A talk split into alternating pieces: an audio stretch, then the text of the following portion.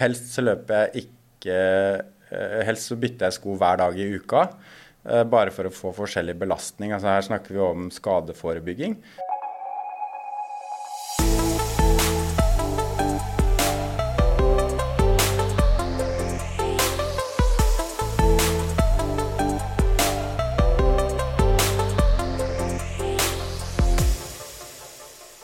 Dagens episode har vi med oss skiskytternes smøresjef, ultraløparrangør og generelt superspreking Tobias Dahl Fenre. Løping er noe han tok opp igjen etter noen år på hvilebenken, og han har nå mange gode plasseringer fra forskjellige ultraløp. Tobias ble faktisk kåret til årets ultraløper 2020. Vi er nysgjerrig på hva som driver han, hvordan han trener, og om ultraløp er for alle. Velkommen til oss. Takk. Det var hyggelig, hyggelig å få komme til dere i så fine nye lokaler i Sandefjord. Tusen takk, vi er veldig stolte av det. Det er vi. Har du lyst til å fortelle litt eh, om deg selv, Tobias? Ja, altså jeg er jo Jeg er eh, men Nå, nå sto det litt stille hvor gammel jeg er, men Det kan fort skje. jeg, jeg tror jeg er 35 år, da. Eh, Født og oppvokst i Oslo. Um, bor i Skien. Flytta med kona mi og, og to barn til Skien for uh, fire år siden. Uh, så har jeg vært uh, skiløper i mange år på sånn relativt høyt nasjonalt nivå. Gått én verdenscupstart i langrenn. og så ja, Jeg skulle bli verdensmester. Skulle liksom Ja ga, ga, ga jernet, liksom, på, eh, på, i langrenn.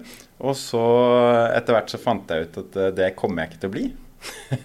Eh, og fant ut at jeg hadde lyst til å, å prøve en annen vei. Så da, da, begynte jeg å jobbe i Fischer, i Finor, den norske Fischer-importøren. Hadde noen fem veldig lærerike år i sportsbransjen. Med både markedsføring, merkevarebygging, salg, klubbkvelder, produksjon av ski osv. Så, videre. så jeg, jeg, lærte veldig mye i den perioden, og spesielt da inn mot racingski og, og konkurranseski, da, som jeg selvfølgelig hadde en god, god, god base på fra før av. Um, så etter hvert så ble jeg jo racingsjef der og hadde veldig mye med de beste eliteløperne i, i, Norge å gjøre, som jo selvfølgelig da også er blant de beste i verden. Uh, og havna da etter hvert inn i, i Skiskytterforbundet og ble smøresjef der. Så parallelt med det da, så har jeg på en måte hatt en, en sånn en utvikling i, i at jeg ble, jeg ble, var jo veldig sprek når jeg var langrennsløper. Og så begynte jeg å jobbe, ble litt, ble litt større, ble mye mindre tid til å trene. Spiste mye pølser. Var liksom var litt mer gira på det, på det gode, late liv. Hadde ikke så god tid til å trene heller. Og så, da jeg begynte i Skiskytterforbundet, så, så skrudde Det havna på en måte en, en sånn den toppidrettsmentaliteten og den tankegangen som man har som idrettsutøver når man har vært det i veldig mange år, den, den på en måte ligger latent. da, Så, så skrudde den seg på på et vis. Eh, i, først i form av jobben. Eh, hvordan kan vi optimalisere dette opplegget her? Hvor er, hvor, er liksom, hvor er, svakhetene? Hva kan vi gjøre for å, for å, få ut mest mulig av dette systemet? Og så skjønte jeg da at uh, her, må, her, må, jeg bare, jeg må bare opp i ringa og bli i god form igjen. da. Uh, så gjennom det så, så havna jeg på løpekjøret. Sånn som, sånn som uh, sikkert mange andre har opplevd, at når du først begynner å, å, løpe, så kan det være litt tungt. Og så når du da ballen begynner å rulle og du kommer over en kneik, så blir det mer en avhengighet enn, enn det blir en, en byrde, da. For jeg leste at uh, dere i smøreteamet dere trener jo et ganske høyt timeantall per uke, dere også? Ja, altså eh, Livet mitt er på en måte delt i, veldig i to. Så eh, Vi har jo et sommerhalvår der eh, alle de andre smørerne, bortsett fra meg, har, veldig, har veldig lite å gjøre med smøring i den perioden. Jeg jobber jo da administrativt og, og med både økonomi og, og, og, markedsarbeid og forskjellige andre ting. men da er vi jo ikke på tur. På vinteren så er vi jo på tur tre uker en uke hjemme. Uh, og da er det mye skitesting. Uh, mange timer på ski. Vi, vi, går mellom fire og sju mil på ski hver dag. Og så løper vi i tillegg til det, da. og den løpinga i tillegg der er, er, er, lagt inn mye for å rett og slett få en annen bevegelsesform. da, fordi at det blir så mye skigåing, og alt dette er jo skøyting. Blir litt statisk i muskulaturen. Så for for å få det til, så, så, må vi rett og slett bevege kroppen på en annen måte også. Så um, i vinterhalvåret så trener eh, jeg veldig mye mengde, veldig rolig. Har eh, veldig, veldig mange timer på ski og litt løping. Og så har det blitt sånn at eh, det, det, å løpe om sommeren har vært en nødvendighet for å kunne tåle det om vinteren. Og det jeg gjør om vinteren har blitt et gode for det jeg har gjort om sommeren. da. Sånn at uh, de, de, styrker hverandre, de to, to tingene der.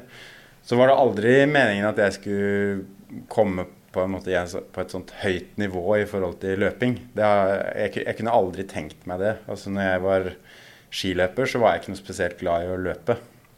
Ok. Du var ikke det? Nei, jeg var, jeg var eh, sprinter.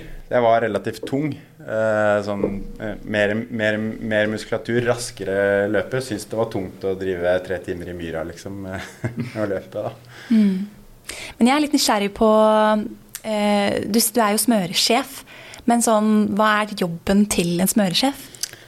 Jobben til en smøresjef er å eh, spille de andre smørerne best mulig. Altså, det er jo på en måte å administrere laget. Altså, det, blir, det, blir, litt som en sånn eh, Jeg er litt som en sånn spillende manager på et fotballag, kan du si. Så om vinteren på en vanlig dag så er jeg eh, en skitester eh, slash smører passer på skiparken til løperne. Jeg smører ikke de faktiske skia til konkurranse, f.eks. Uh, men jeg lager planer for hvordan uh, systemet skal fungere sammen. Jeg kommuniserer med trenerne og med løperne og, og sørger for at smøreteamet vårt fungerer godt sammen med de andre lagene. Uh, og så er det jo uh, på en måte alt det som er bakgrunnen. Altså bestillinger, økonomi, avtaler med leverandører. Uh, F.eks. For foredrag for partnere i forhold til hvordan vi jobber. Uh, sånne, sånne, ting. Da. Mm. jeg har et lite spørsmål. for Man hører jo ofte at, at utøvere på en måte har et sånt par med gullski som på en måte De kan være ganske gamle sånn produksjonsmessig, men er eh, fortsatt en favoritt kanskje ti eh, år etterpå. Hva er det som gjør at man ikke greier å lage akkurat de skia igjen? Uh, ja, det, det, er et todelt svar. Jeg kan ta det, det siste først. Altså at, uh, det at man ikke klarer å produsere en ski helt lik uh, to ganger på rad, det er jo ikke helt riktig sånn som det er blitt nå. Altså, nå klarer man å produsere nesten like ski, men det er i den samme produksjonen. Og så er jo dette levende materiale, sånn at det, er jo, det, er jo, bygd Mesteparten av skia er jo bygd av tre. Uh, noe karbon. Noen leverandører bruker en del mer plast. Men allikevel så er det på en måte et, Dette med spenn i ski, det er noe som har et slags liv. Sånn at når skia blir brukt, så vil også, også spennet i skia på en måte ha, ha, forandre seg noe. Det kan forandre seg litt i forhold til temperatur, og det kan forandre seg over tid. Og så er det jo dette med skisåla, som også har et slags liv. Altså, at den blir slipt, og blir, det blir fylt på glider osv. Som gjør at eh, den, den, på en måte har et liv og blir, eh, kan bli bedre og bedre, kan bli dårligere. Men der er ofte mye av liksom, Nøkkelen ligger i det samspillet i forhold til de gullpara. Men så det første du spurte om, der er det jo sånn at produsentene av ski har blitt så flinke på å utvikle um, altså produksjonslinjene sine. Sånn at uh, i dag så er det veldig liten forskjell på de skia som du kan gå i en butikk og kjøpe, og de skia som eliteløperne bruker.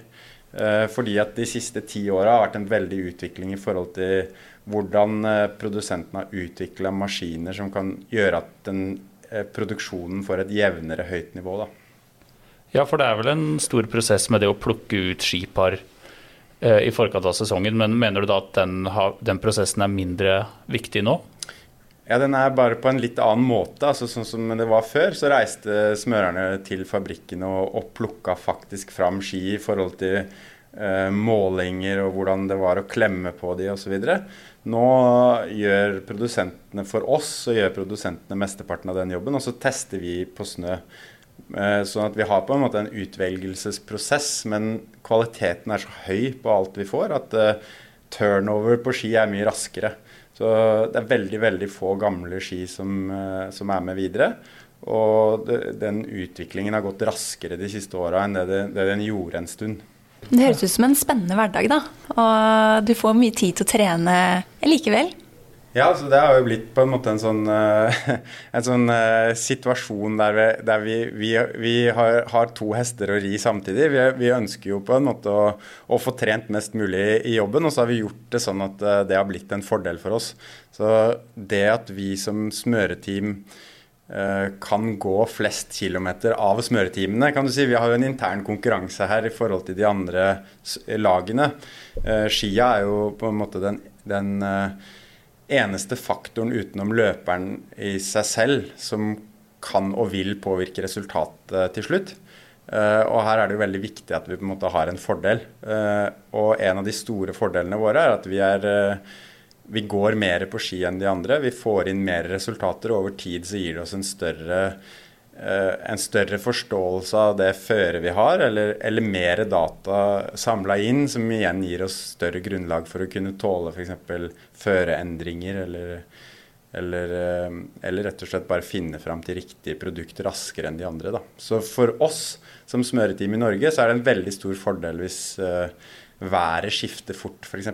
Eller hvis det, hvis det går fra et spesifikt føre og veldig fort til noe annet, så er det ofte en god en god eh, situasjon for oss. da.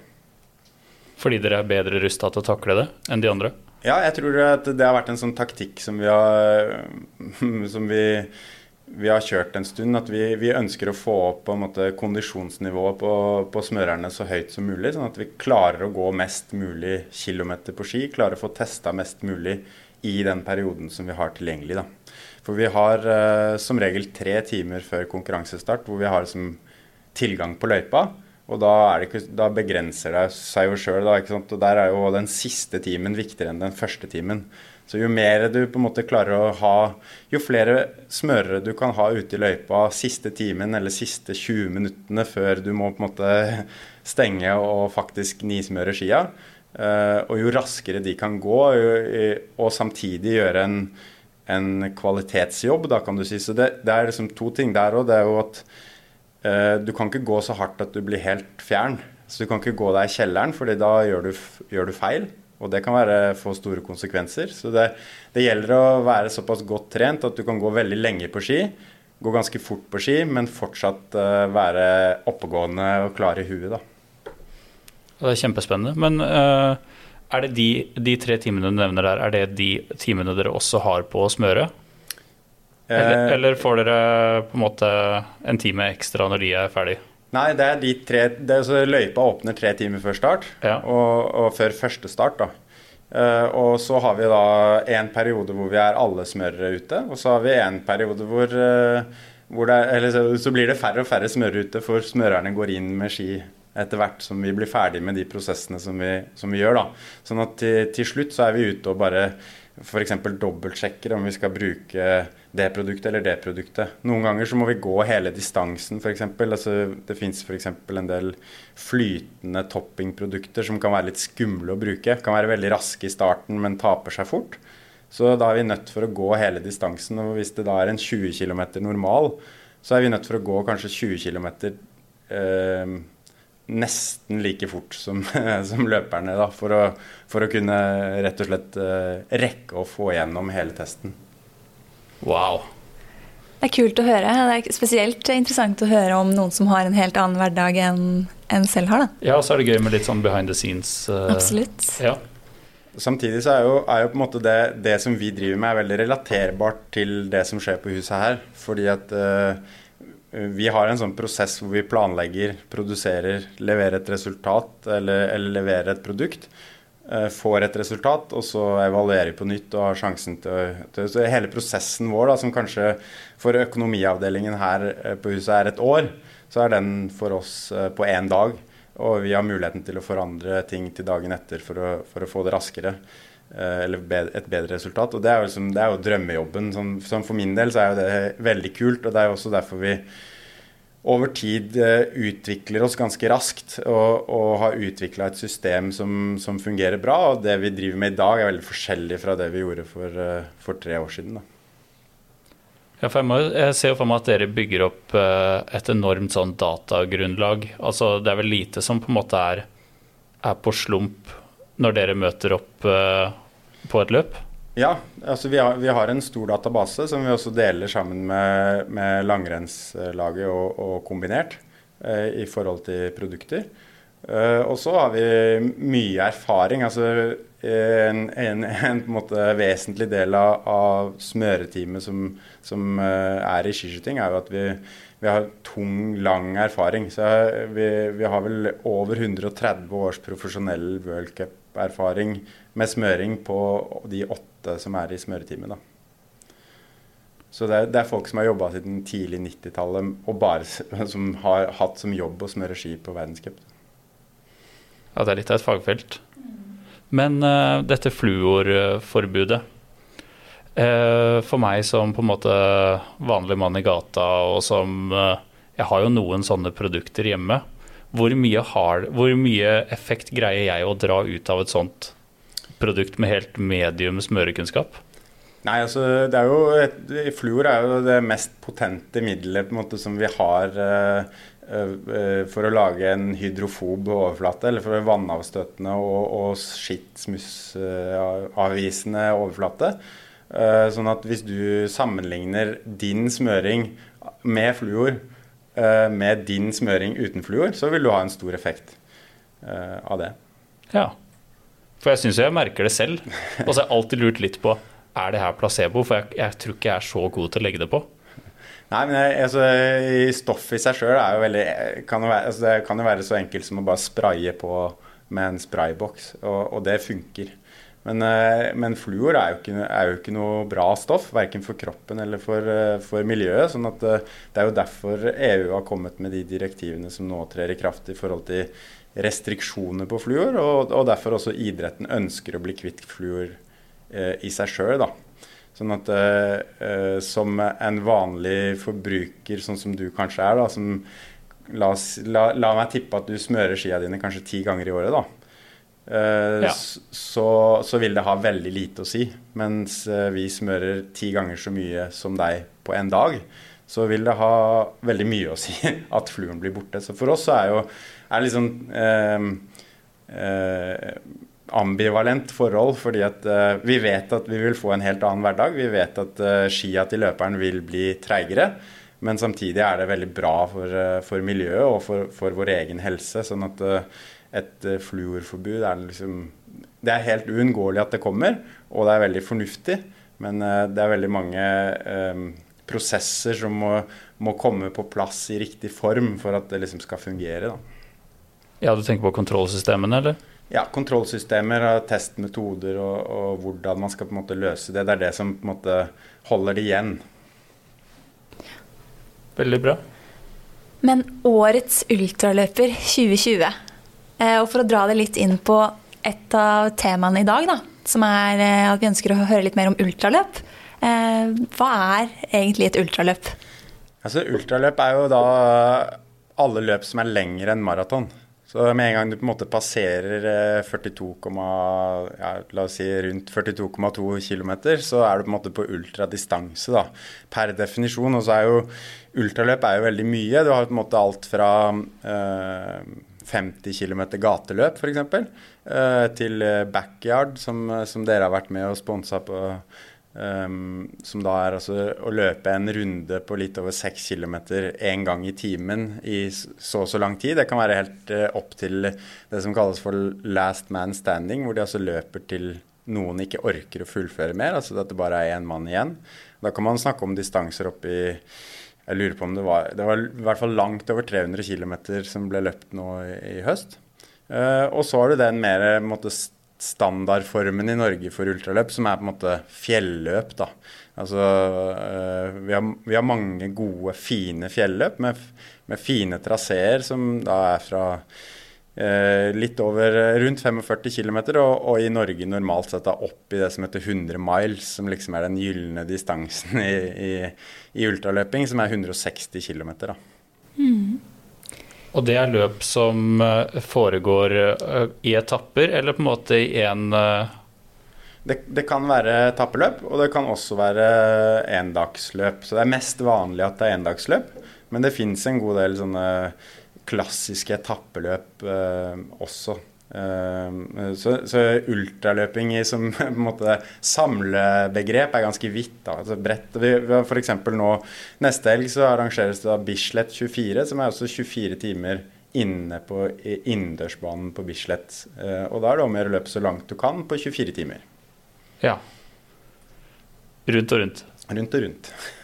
er det din type løp, eller? Det er ikke min type løp, helt definitivt. Så jeg er ganske allergisk mot uh, asfalt. Jeg prøver å tvinge meg sjøl til å trene litt uh, på, på hardere underlag, da helst på grus. Men, uh, for å få litt mer fart. Men, men, jeg trives i skogen, og det har liksom alltid, alltid, vært skog og fjell som har dratt meg ut. helt fra jeg var, var, barn, så har på en måte det vært en vesentlig del av, av livet mitt å være ute i skogen, både med friluftsliv i alle slags former, og topptur og sykkel og, og, og løping og ski, selvfølgelig. Da. For du arrangerer jo, eller er med å arrangere et uh, ganske kult uh, ultraløp i grenlandsområdet? Ja, så vi, vi, vi har jo en, en, gruppe med løpere i Grenland som vi kalte for Grenland Ultrarunners. uh, som rett og slett starta med med en, en, gjeng som har funnet hverandre over, over, noen år eh, gjennom felles interesse da, for, for uh, ultraløping og, og skogsløping. Og, og, Grenland har jo et veldig godt utvikla stinettverk gjennom eh, DNT, som har vært, gjort en helt eh, sinnssykt bra jobb med å merke skogstiene. Og i Grenland så er det jo sånn at vi har lite snø, sånn at stiene blir brukt mye, også, også på vinteren. Uh, og det gjør at uh, vi, har veld, vi, har veldig gode forutsetninger for å kunne, kunne, lage et løp. Så vi var en gjeng som, uh, som hadde en idé om å, å, lage et løp rundt byen. Fordi vi har da veldig forskjellig type vegetasjon, veldig forskjellig type terreng rundt byen, og ønska å linke dette, disse markene som vi har rundt, rundt byen sammen i, i, en, i, en, loop, da, i en, en full runde. Og den er åtte mil? Det sko Skogvokteren Ultra er 88 km. Ca. 3500 høydemeter. Så det, det, er jo relativt mange høydemeter i forhold til hva folk kanskje tror når man snakker om da, som Vestfold og Telemark, som det nå heter.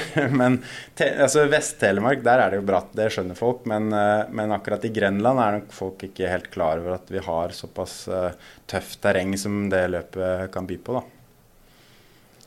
Ja, litt tilbake til det med at eh, ultraløp eh, det er et ganske vidt begrep. For vi har jo hatt eh, Frode Lein som gjest i en tidligere episode. Og på en måte den oppakninga som han har med seg når han driver f.eks. Yukon og Arctic Ultra, er jo Den er vel ganske mye mer omfattende enn Kall det et, et fjelløp i Norge på rundt fem-seks mil, da. Ja, altså Han er jo en, en eventyrer, på en måte. Altså han, han, driver med en helt annen type uh, løping enn det jeg gjør, f.eks. Uh, eh, det er jo he helt sinnssykt imponerende at, at man, man, gjør det som han gjør. Uh, men jeg tror på en måte for for de store massene av folk, og det som virkelig er populært på en måte i forhold til løping i Norge, og, og veldig i vinden akkurat nå, det er liksom det vi kaller for liksom trail og ultratrail og stiløping generelt. Altså det er veldig mange grupper, små grupper her og der, som har kommet sammen og løper på sti.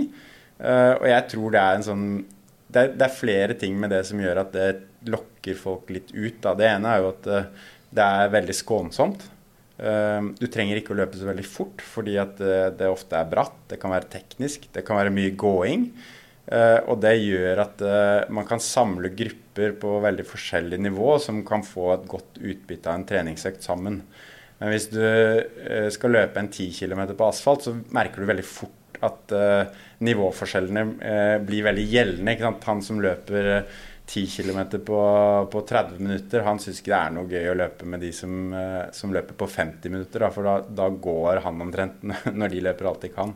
Mens i skogen så kan man på en måte få det samme utbyttet, og i, i alle tilfeller så får man på en måte naturopplevelsen. da. Og det, det meste foregår i pratetempo? Ja, veldig mye av det. Altså, er det, det er fortsatt uh, forskjeller på folk når det gjelder, gjelder tempo. Men jeg, jeg, oppfatter at veldig mange uh, også på, på, relativt lavt sånn kondisjonsnivå. uh, um, nyter på en måte det å være ute og bli litt sliten, men ikke nødvendigvis liksom få den der blodsmaken, på en måte. da. Og, eh, vi har jo liksom todeling i, i Løpe-Norge akkurat nå. Vi har liksom det Ingebrigtsen og, og Jan Post og i det lange løp og den gjengen som fokuserer mer liksom på baneløping, eh, asfaltløping, maraton osv. Og, så og så har vi en, en, veldig stor gruppe med folk som, som løper eh, med den kroppen de har, løper med den formen de har, eh, og syns at det er best å gjøre den, eh, den treninga ute i skogen, og ikke nødvendigvis med blodsmak i munnen. Og det, det tror jeg er veldig sunt. Mm. Men si jeg skulle forberedt meg og hatt som mål da, å bli med på Skogvokteren Ultra. Hvordan, hvordan, forbereder jeg meg til det? Ja, Først og fremst så syns jeg at det, det, bør du gjøre, da. du bør bare melde deg på. Men, eh, men, det som er viktig da, det er jo på en måte å komme i gang på en, på en Nå vet jo ikke jeg hva slags bakgrunn du har i forhold til løping, men men hvis du er en, eh, en relativt eh, sånn, eh, middels løper og løper innimellom, så er jo det viktigste når det kommer til ultra, det er på en måte også øve, seg, øve opp muskulatur og, og, ledd og kroppen til å tåle eh, å være ute lenge. Så da kan det like gjerne være at du går deg en, en lang tur på fjellet som at du eh, skal løpe veldig langt. Men det handler bare om det der å være ute lenge. Det er noe som jeg i hvert fall opplever at kroppen venner seg ganske fort til. Og som, eh, som, ikke er så skummelt som kanskje folk tenker hvis man tenker liksom åtte mil. Og herregud, det er, det er så innmari langt. Men, men det, det, det, blir en eh, Det er en veldig sånn tilfredsstillende følelse, det der å få til å være ute lenge. Og få til å skjønne det der med at eh, jeg, treng, jeg, trenger ikke å løpe så fort. Kommer, kommer bli, jeg kommer til å bli sliten, men det kommer ikke til å bli så innmari vondt. Da. Ja, det Det tror jeg stemmer veldig. Ja. ja.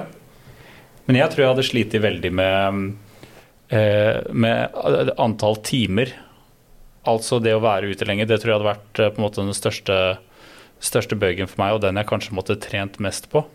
Men hvis jeg da får utbytte av å f.eks. gå en lang fjelltur, hvis det på en måte er overførbart, så er jo det helt supert. Ja, altså, sånn på vinteren f.eks. Nå er det ikke så veldig mye randonee-føre akkurat her i Sandefjord, men, eh, men, eh, det er jo mange som, som, liker det. Og det er jo veldig, det er veldig tett knytta til hverandre, dette med, med randonee eller, eller liksom eh, skimo, som er, altså skialpinisme. Det er, det er veldig tett knytta til stiløping.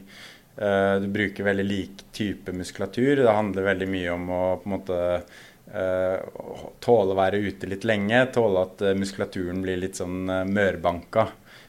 sånn at det å gå i fjellet eller, eller, gå på ski i fjellet vil være veldig god trening hvis målet er å på en måte gjennomføre. Og det er jo det som er en av de, en av de store hovedforskjellene på dette maraton- eller gateløpkjøret kontra stiløp, trail og ultraløping. Det er jo at i maraton så handler alt om tid. Det handler om hvor fort du løper på kilometeren, eh, hvor mye laktat du har på terskel, hvor, eh, eh, hva er tida di på maraton, og du blir på en måte definert ut ifra det. Mens når du snakker om sti og ultraløping, og spesielt de lengre ultraløpene, så handler alt bare om å gjennomføre. Så der handler det om å komme til mål. Og klarer du ikke å komme til mål, så er det veldig mange som bare er fornøyd med at de har prøvd, og at de har fått den opplevelsen. Fordi det er et fantastisk miljø rundt disse her løpene og rundt de løpegruppene. som er, altså Det er blide folk. Og det er ingen som dytter deg, det er ingen som skuldrer deg ut av løypa. liksom. Det er ikke det, er ikke det derre eh, konkurransepreget på det, sånn som det jeg kan oppleve f.eks. Fra, fra skiidrett i Norge, eller også litt sånn fra gateløp, hvor, hvor du har et mer sånn tøft konkurransefokus. Mens uh, i sti og ultraløping så handler det mer om uh, opplevelse. Mer om å mestre seg sjøl. Mer om på en måte å, å, utfordre sine egne grenser. Finne sine egne grenser. Altså Har du funnet grensa di, så er jo det helt topp. Du vet at uh, du klarer å løpe i ti timer, men du klarer ikke et skritt lenger. og det handler veldig mye om ernæring, da, selvfølgelig. Men når et løp varer i så mange timer, så eh, rekker du vel å ha noen sånne ups and downs, eh, kanskje sånn humørmessig? Har du opplevd noen sånne svingninger? Ja, altså eh, Akkurat når det gjelder løp, så er jo Har jeg på en måte Jeg har tatt jeg er, nok, jeg er nok litt midt imellom de der to, to gruppe, grupperingene der. For når det gjelder løp, så er det som jeg er veldig dum, da. ikke sant? Jeg er sånn, jeg er sånn der uh, husky som skal ut på tur. ikke sant? Kjør, og så er det kjør. Og jeg kommer fra konkurranseidrett, og jeg klarer ikke å skru det av. Så at, uh, for, for, meg så er det uh, Jeg kjører bånn gass, liksom. Og, og, og kjører bånn gass fra start. Og har stort sett da løpt alle løp jeg har løpt helt aleine. og jeg har ikke jeg fokuserer ikke på om det er ups and downs. Altså jeg, jeg, skjønner at de kommer, jeg ser at de kommer, men jeg har liksom arbeidsoppgaver, jeg har en plan, jeg har et spiseskjema. Jeg er veldig systematisk og, og registrerer det, men fokuserer ikke på det. Ja, det er et godt svar. Mm. Sånn er ikke jeg. Nei, jeg blir jo veldig inspirert da, til å Altså hvis det er sånn at man kan eh, ja, være mye ute og eh, bruke det å gå på topptur som eh, en type treningsform til et ultraløp, så tror jeg mange som lytter på, i hvert fall eh, Ja, det treffer mange, da. Hva er din fineste opplevelse fra et uh, ultraløp? Altså det, det, det, som eh, sitter tøffest i akkurat nå, det er liksom når jeg kom i mål og ble norgesmester nå i, i Molde i, i, uh, i september. Det var, jeg var ikke det siste løpet jeg løp, for så vidt, men eh, det, et av, det er et av de, de, de, siste minnene jeg har. sånn sett. Da, sånn at eh, det var noe som jeg hadde trent veldig lenge uh, og hatt i bakhodet. Liksom når, når jeg har liksom tøffe økter på mølla f.eks. og står og svetter og liksom jobber med den derre um, Det å stå i det litt, liksom. Da er det ofte de tankene som har kommet til det løpet. Og det, det som var litt spesielt med det løpet, var at det ble utsatt da, tre ganger, tror jeg. Uh, så, eh, sånn at det, det, var veldig lenge at jeg hadde det i bakhuet. Og jeg hadde en veldig klar plan for hva jeg skulle gjøre, og så gjorde jeg det og, og vant. Og det, og det, ga en sånn veldig Det var nesten overraskende på en måte god følelse. Altså jeg, det er ikke så veldig ofte i mitt liv at jeg har vunnet så mye før jeg begynte med ultraløping. Jeg har alltid vært god i idrett og sånn, men, jeg, men jeg, det er ikke så veldig ofte at jeg har vunnet og vært best. Men den der følelsen at du Det hadde, hadde, kanskje ikke vært så farlig om jeg hadde vunnet eller ikke vunnet, men, men, den følelsen at du klarer å gjennomføre det du har planlagt, og at du klarer å gjøre det på en måte som du selv er fornøyd med. Og at jeg klarte det i det løpet den gangen som jeg hadde tenkt på i, i halvannet år, det var liksom en, en, en stor opplevelse. Litt sånn dobbel glede med at planene dine funka og ja, alt det du hadde forberedt deg på? Ja, Samtidig så er jo på en måte de, de, de opplevelsene som, som, jeg sitter igjen med etter hvert år når jeg løper, og, og de opplevelsene som, som, gir meg mest, det er jo hverdagstreningen. Så jeg har, jeg har en, eh, en, liten eh, kolle som heter Fantekjerringkollen i, i Skien, som jeg løper veldig mye forbi, opp og, opp og ned på osv. Og, så jeg må si at det, når du kommer opp der liksom en, en, tirsdag morgen midt på vinteren Jeg har jo fri en uke innimellom om vinteren. Kommer opp der liksom og vært lenge ute, ute og reist, og så kommer på den liksom vanlige, mer vanlige treninga for meg sjøl, helt stille, og så kommer liksom sola opp. Den, det er jo de opplevelsene som, som, sitter dypest, på en måte. Og spesielt hvis jeg kan dele det da med med noen gode løpekompiser eller, eller sånn. Altså, du merker det når Hvis du er ute og trener med noen du liker å trene sammen med, så plutselig har tida gått, liksom. Og så plutselig du har, ikke, du har, har liksom ikke tenkt over Å, har jeg løpt, liksom? Kommer inn i en sånn tunnel. Men når det kommer til utstyr, eh, for de som kanskje er ferske med, med ultradistanser, hva er det viktigste å, å fokusere på? Altså hvis du, sånn Helt i starten så er jo det klart det viktigste er jo at du må, du må finne ut hva slags eh, løpesko du kan, uh, kan bruke. Hvordan, hvordan, føtter du har, uh, og, og, hva som passer for deg. Det er jo veldig individuelt, selvfølgelig. Eh, jeg har brukt veldig mye tid på det, jeg har brukt veldig mye penger på det, og jeg har brukt uh, veldig mye penger på dere. det er jo hyggelig, da. uh, og så er jeg selvfølgelig da sånn utstyrsgeek, så, så, så, det på en måte gir seg litt sjøl. Men, men det, det, er viktig å ha gode sko. Og det er viktig, og jeg tror det, er, det, er, måte, det gjør så mye med opplevelsen min at, at du på en måte slipper den derre blåmerke, gnagsår osv. Det kommer man jo ikke helt unna. Altså, eh, spesielt eh, Jeg hører mange som sier at jeg får alltid gnagsår. Det er mest sannsynlig fordi du ikke er herda nok, på en måte. Altså, når du har gjort, gjort eh, bevegelsen og trent, trent, en del løping og løpt mye i skauen, så, så, blir du på en måte Føttene blir herda. Der òg er det jo på en måte litt sånne ting man kan gjøre i forhold til å smøre inn føttene, passe på å klippe negler, passe på liksom litt sånn fotstell. Det er jo noe som Eh, kommer etter en liten stund, når du har mista nok negler, så skjønner du at ok, her må jeg, her må jeg, dette må jeg virkelig ta liksom litt tak i. da. Eh, så det er, det er viktig fottøy. Men eh, er det holdt på å si de løpeskoa som er mest dempa, eller de som på en måte er litt mer sånn strippa, som er mest populært å bruke? dette, det er jo på en måte en sånn prosess som går liksom i bølger. altså Vi hadde jo liksom Five Fingers og Vibram-opplegg for, eh, for, noen år siden. Og så har det vært en sånn hooka-bølge med veldig mye demping. Uh, jeg tror at det også er litt individuelt. For min del så har det vært veldig viktig at jeg, jeg løper nesten aldri uh, to dager på rad med samme sko. Helst så løper jeg ikke Helst så bytter jeg sko hver dag i uka. Eh, bare for å få forskjellig belastning. Altså her snakker vi om skadeforebygging. Og i tillegg til det så er det jo litt sånn For min del så er det, det er mye mer interessant å løpe med en sko som ikke er helt utslitt. Altså eh, det er veldig viktig for meg at skoa gir respons. Og, og, jeg bytter sko veldig mye oftere enn det som kanskje er anbefalt. Altså jeg, jeg løper veldig sjelden mer enn 300-400 km på en sko. Um, fordi at jeg liker å ha de nye og, og freshe. Og jeg tror det er um, fornuftig i forhold til å um, unngå uh, slitasje og skader. Da. Ja, for dempinga er jo ofte litt fersk, uh, ferskvare? Jeg opplever at uh, dempinga er ferskvare også i, i skogen. Og at jeg noen ganger har behov for litt demping. Andre ganger, hvis jeg f.eks. skal løpe veldig raske Eh, tekniske løp eh, som er relativt korte, altså i en 10 km i en teknisk løype, så, så, velger jeg bort demping fordi at det gir mindre kontroll. Uh, sånn at jeg, jeg, ønsker å være nærmere underlaget. Men da, da, er det veldig spesifikt igjen. Så jeg tror at for folk flest så handler det om å finne en type sko som fungerer. Kanskje det er ett merke, kanskje du har to-tre merker som du vet at virker.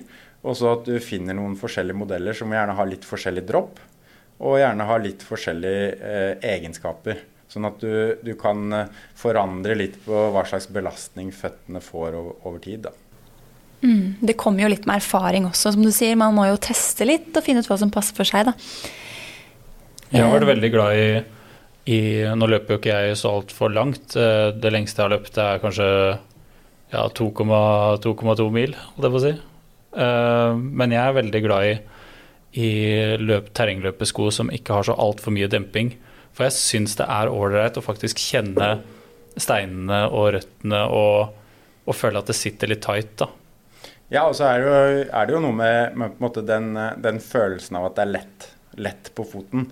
Så hvis du løper relativt korte turer og er liksom ute etter den der følelsen at nå har jeg virkelig trent, øh, gjerne liker å løpe litt sånn halvfort, sikkert i den kategorien som kanskje pusher litt sone 2 og litt sone 3, liksom. I, ja, ganske mye sone 3, dessverre. Ja, ja ikke sant. Da, og da gir det deg mye å, å ha en liksom lettløpt, litt, eh, litt uh, tynnere sko. Men hvis du da skulle løpt dobbelt så mye plutselig som det du gjør i dag, så ville jeg sagt at da ville jeg fylt på den neste 50 med noen andre typer sko, da.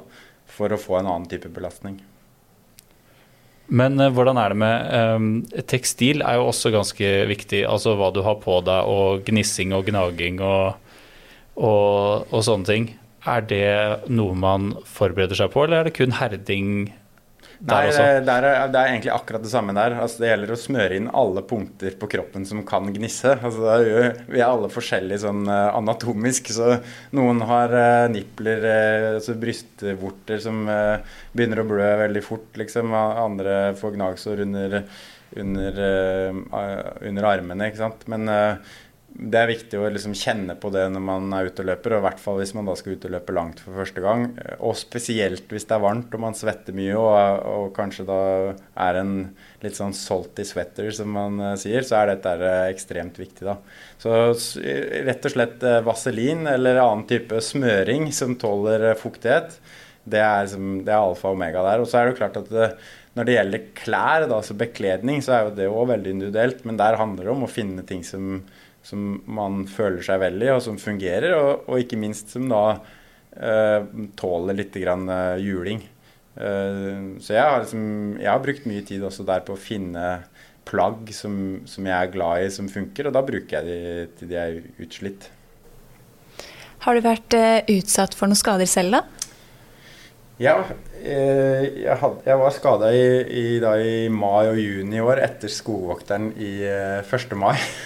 så, så, det var jo det Men det, det, jeg gjorde feil da, det var at eh, jeg skulle på en måte bruke skogvokteren som springbrett til noe, no, no mer. Så jeg skulle bruke det som en slags treningsløp, og det var jo en slags uh, sånn klassisk tabbe hvor du da liksom, kanskje trener litt for mye inn mot løpet, og så begynte jeg å trene altfor fort etterpå. Og så fikk jeg da en sånn uh, muskelruptur inni, litt dypt inn i leggen. altså en liten, litt sånn muskelavrivning inni leggen som, som tok da to måneder å bli helt, helt kvitt. Så det var jo det, det var liksom rookie mistake. Men uh, det, er, det, er, jo viktig liksom, å ta vare på kroppen i, i, uh, i, og rundt sånne løp. Og det gjør jo også at uh, det er kanskje ikke fornuftig å tenke at man skal løpe ultraløp hver helg, for å si det sånn. Nei. ja, for det er, er det en hårfin balanse med mengde og skaderisiko? Jeg tror nok at for de aller fleste så, så, går det der eh, ganske bra. Og så får du jo som regel eh, faresignaler fra kroppen. Altså Kroppen sier jo gjerne ifra litt grann før. og så De fleste sier ja, men det går sikkert bra, og så blir alle skada innimellom. Jeg tror, det, jeg tror, det, er snakk om liksom type i, i Blant aktive ultraløpere så er det sånn typ 70 eh, Uh, av ultraløpere som er skada en eller annen gang i løpet av et år. Da. Så det er, det, er, jo mye, mye, på en måte skader, men det er veldig sjeldent at jeg hører om folk som er skada over veldig lang tid. Det er jo som regel sånn type overbelastning, feilbelastning som trenger litt uh, restitusjonstid, og så, og så, leges det, og så er du i gang igjen, da. Jeg blir inspirert, jeg. Ja. Kanskje vi skal melde oss på, Silje? Vi har jo fått en liten utfordring av Tobias allerede. Ja, jeg syns det. Jeg syns, skal, jeg syns dere må bli med Jeg syns dere må bli med og, og podde litt fra løpet. Så om dere blir med sjøl, det, det, skal jeg ikke Jeg skal ikke tvinge dere til å bli med sjøl, men det er nesten så jeg, så jeg, gjør det. Men jeg tror det er noen andre også på huset her som skal være med. Jeg, jeg vil jo gjerne invitere dere til å bli med og, og, og dekke løpet, og kanskje, kanskje vi klarer å provosere fram på en måte den derre virkelig følelsen av hvordan det er å være i et ultraløp. Altså enten man løper i gruppe sammen, fall, og, eller man løper aleine, men i hvert fall den opplevelsen av å kjenne på at man, man øh, har vært ute lenge kjenne på at man kan bli glad og kan bli lei seg. Man kan eh, føle at det er helt håpløst, og så, og så kan man eh, møte familien sin f.eks. På, på et eh, sjekkpunkt, og så blir man, eh, plutselig begynner man å grine, liksom. Det er, det er mye som kan skje. Altså, jeg har sett veldig mye rart rundt på, på, på sånne ultraløp. Så jeg syns, det er noe dere bør oppleve. Spesielt dere som jobber i denne bransjen. Dere må, dere må være tett på det som, eh, det som de som handler utstyr av dere, opplever. Ja, når du sier det sånn, så Hva sier du, Sindre? Ja, for det er på våren, er det ikke? Det er da 30. april. 30. april. Ja. Vi må jo du, du, sier ja nå, du? Eh, jeg sier ja til å prøve. Mm -hmm. Ja, men jeg kan være enig i det. Ja. Det er, jo, det, er ikke, det er, jo, ikke, ulovlig å, å, på en måte eh, starte på et løp med en tanke om at man skal komme så langt man klarer. For jeg forstår jo veldig godt at uh, 88 km er jo en sånn type medium lang distanse. Det er ikke en nybegynnerdistanse i utgangspunktet i, i ultraløp. Uh, men det er mange som har vært med på, på Skogvokteren tidligere, som uh, har liksom tenkt at når vi kommer halvveis, så skal vi gjøre en vurdering. klarer vi å komme lenger enn det, så, så, så er det bra. For det er vel det som er fordelen med at det går litt rundt byen, da? Ja, altså, altså det, er, altså- det, er, veldig fordel. I akkurat Skogvokteren så er, er, det en runde rundt byen. og har, det, er, eh, det, det, er, aldri mer enn 12-13 eh, km fra en vei til en annen. Så du har, du har, liksom ikke store, lange strekninger hvor du ikke har mulighet til å få uh, hjelp eller, eller uh, å hoppe av. Da. Så det kan jo være både positivt og negativt. Jeg vet om det er flere i den Grenland Ultrarunners som bor langs løypa. Jeg også bor langs løypa. Og, og det kan være litt sånn uh, kinkig når du da liksom kommer på kilometer 70, og så passerer du hjemme. Hvis du da er veldig langt nede, så kan, kan det være litt fristende å oppå på verandaen med grillen, liksom. oh, ja. Avslutningsvis, eller? Ja, vi kan godt eh, begynne å runde av. Og da har vi jo noen faste spørsmål, da. Som vi stiller til hver gjest. Og det ene, eller det første, er er det noe utstyr du alltid har ønska deg, men som du enda ikke har fått kjøpt? Det kan ja. være alt fra luftgevær til kano, liksom. Sånn.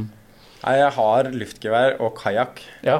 Kano det, det litt, går litt for sakte. Jeg har liksom ikke vært på den Lars Monsen-greia helt enda. Men uh, jeg, jeg, jeg, har jo hørt noen episoder av podkasten før. Så det er jo egentlig to ting som jeg tenkte, tenkte på. Det ene er jo uh, at jeg tenkte jeg skulle slå et slag for den der InReach-diskusjonen som dere har hatt mange ganger. Ja. Jeg bruker jo da uh, en sånn app, sånn uh, Find my friend-app på telefonen som er på hele tiden. Sånn at kona mi Det er bare kona mi som er på den, men sånn at hun vet hvor jeg er. og det er veldig viktig når man driver ute i skogen, og spesielt når man driver aleine i skogen, at man har med seg telefon. I hvert fall telefon. Uh, men, uh, men, også en sånn inreach. Så det er noe jeg ønsker meg, da. En sånn inreach. Men utgangspunktet var jo egentlig at jeg hadde tenkt å si at jeg, jeg har alltid hatt lyst på stisykkel. Og så sitter jeg og ser på en stisykkel, for det har dere jo på veien. Så det var litt uh, Nei, på veggen. Så det var litt paradoksalt. Men jeg har alltid vært glad i å sykle i terreng. og så har det jo liksom de siste ti åra så har de syklene blitt så bra det har blitt så kult. Jeg har prøvd det, men jeg har aldri liksom tatt meg råd til å kjøpe det. For vi snakker ikke da med, med motor, eller? Nei, absolutt Nei. ikke med motor. Nei. Det syns jeg er ordentlig tull. jeg skjønte jeg lukta at den kom. Men kult, da. Ja. ja. Og så er det Hva er det du alltid har med deg på tur? Jeg har jo Kjedelig nok, da, så er jeg litt sånn, jeg er litt sånn Strava-fokusert. Så jeg har jo selvfølgelig alltid med klokka. Altså Klokka må, må, være med, og jeg blir litt frustrert når liksom Strava er nede eller Garmin er nede. eller sånn. Så den er alltid med. Så har jeg alltid med førstehjelpsutstyr. Eh, og alltid med sånn uh, space blanket. Eh, og så bruker jeg selvfølgelig da har jeg også med telefonen, men jeg bruker òg en del apper på telefonen. Jeg, har en sånn, jeg flytta ut i Skien for fire år siden. Og da kunne jeg ingen stier. Jeg kunne ingen eh, Jeg visste ikke Jeg hadde aldri vært i skogen før i det området. Så da brukte jeg mye ut.no, og så en, eh, en, eh, app som heter TopoMap. Og prøvde da hver gang jeg var ute, så skulle jeg løpe ny, en ny sti. Og da visste jeg jo ikke alltid hvor den stien gikk, så da var det veldig sånn greit å ha med, ha med mobilen og kunne bare liksom ta opp den ta en tilfeldig sti og så løpe et stykke og så se ok, hvor er jeg nå, og hvor kan jeg komme meg videre derfra. Så det er noe jeg anbefaler liksom, hvis folk begynner ute i skogen. Eh, last ned en app med kart, og så begynne å utforske. Fordi mest sannsynlig så finnes det en del kule stier rundt der folk bor, som de aldri har eh, prøvd. Det er et veldig godt tips. Mm. Eh, og så har vi bedt deg om å ta med en gjenstand da, ja. som beskriver deg som eh, som person. Å ja, se der, ja. Um, Nå må du beskrive, Silje.